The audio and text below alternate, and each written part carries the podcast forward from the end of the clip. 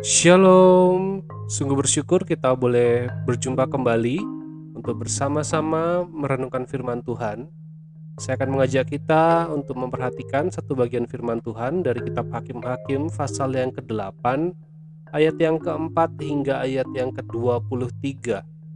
Hakim-Hakim pasal 8 ayat 4 hingga ayat yang ke-23 saya tidak akan membacakan bagian ini keseluruhan, saya akan membacakan dua bagian terakhir ayat 22 dan 23.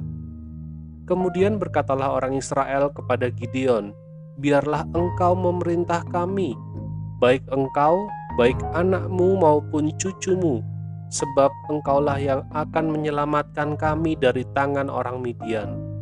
Jawab Gideon kepada mereka, "Aku tidak akan memerintah kamu, dan juga anakku tidak akan memerintah kamu, tetapi Tuhan yang memerintah kamu.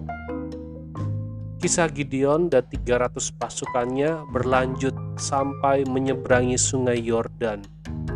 Tetapi kali ini Gideon sudah punya keberanian, bahkan kelewat berani.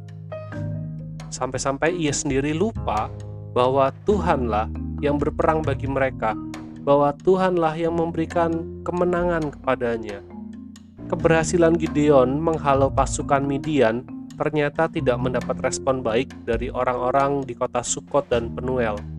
Ini terlihat dari respon para tua-tua di kota Sukot dan juga penduduk Penuel yang menolak memberikan bantuan kepada Gideon ketika Gideon dan 300 pasukannya meminta air dan roti untuk memberikan tenaga bagi mereka.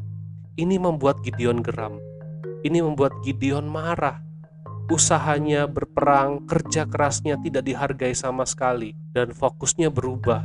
Bukan lagi memerangi Midian bagi Allah, tetapi Gideon ingin memerangi Midian untuk membalas orang-orang Sukot dan Penuel.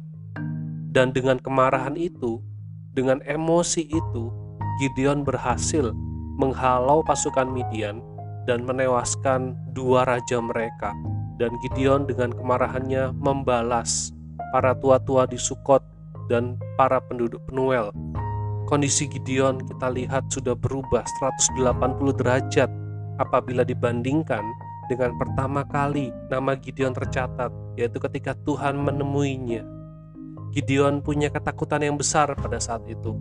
Bahkan ia selalu bersembunyi dalam kesehariannya. Ia selalu bersembunyi dalam melakukan segala sesuatu. Tetapi setelah apa yang ia alami, ia menjadi sosok yang disegani oleh orang-orang Israel.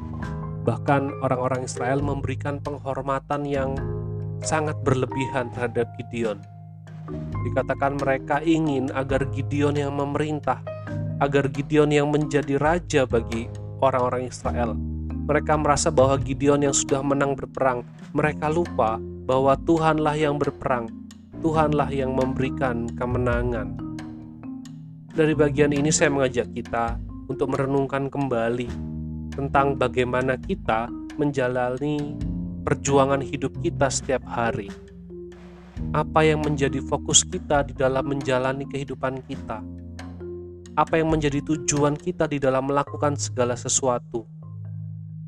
Mari kita jalani perjuangan kehidupan kita di dalam pekerjaan kita, di dalam persahabatan yang kita jalin, di dalam kita menjalani kehidupan berumah tangga, di dalam segala sesuatu, mari kita jalani perjuangan hidup kita dengan fokus dan motivasi yang benar, bahwa Tuhan yang sudah memberikan kita kesempatan untuk menjalaninya, bahwa Tuhan ingin agar kita memberikan dampak yang baik, bahwa Tuhan ingin agar melalui keberadaan kita, nama Tuhan yang dimuliakan. Dan yang kedua adalah mari kita selalu mengingat bahwa hanya Tuhanlah yang seharusnya berada di tempat tertinggi dalam kehidupan kita. Artinya hanya Tuhanlah yang patut kita sembah. Hanya kepada Tuhan saja kita berbakti. Tuhanlah yang memimpin kehidupan kita. Jangan sampai kehidupan kita dipengaruhi oleh emosi-emosi sesaat kita. Jangan sampai kehidupan kita diatur oleh berhala-berhala kita Tuhan yang sudah berperang bagi kita. Tuhan sudah memenangkan kita. Tuhan sudah menebus kehidupan kita. Kita adalah miliknya. Oleh sebab itu marilah kita hidup terus mengingat bahwa Tuhan sudah menang atas maut, bahwa Ia telah memberikan kita kemenangan, yaitu kehidupan kekal di dalam Yesus Kristus, sehingga tidak ada lagi ketakutan dalam kehidupan kita, tidak ada lagi keraguan di dalam Kristus, dan kita boleh menjalani kehidupan kita dengan yakin di dalam Tuhan, di dalam anugerahnya, kita boleh menikmati kemenangan yang sejati.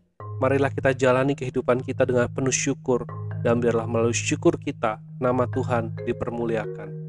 Tuhan Yesus memberkati.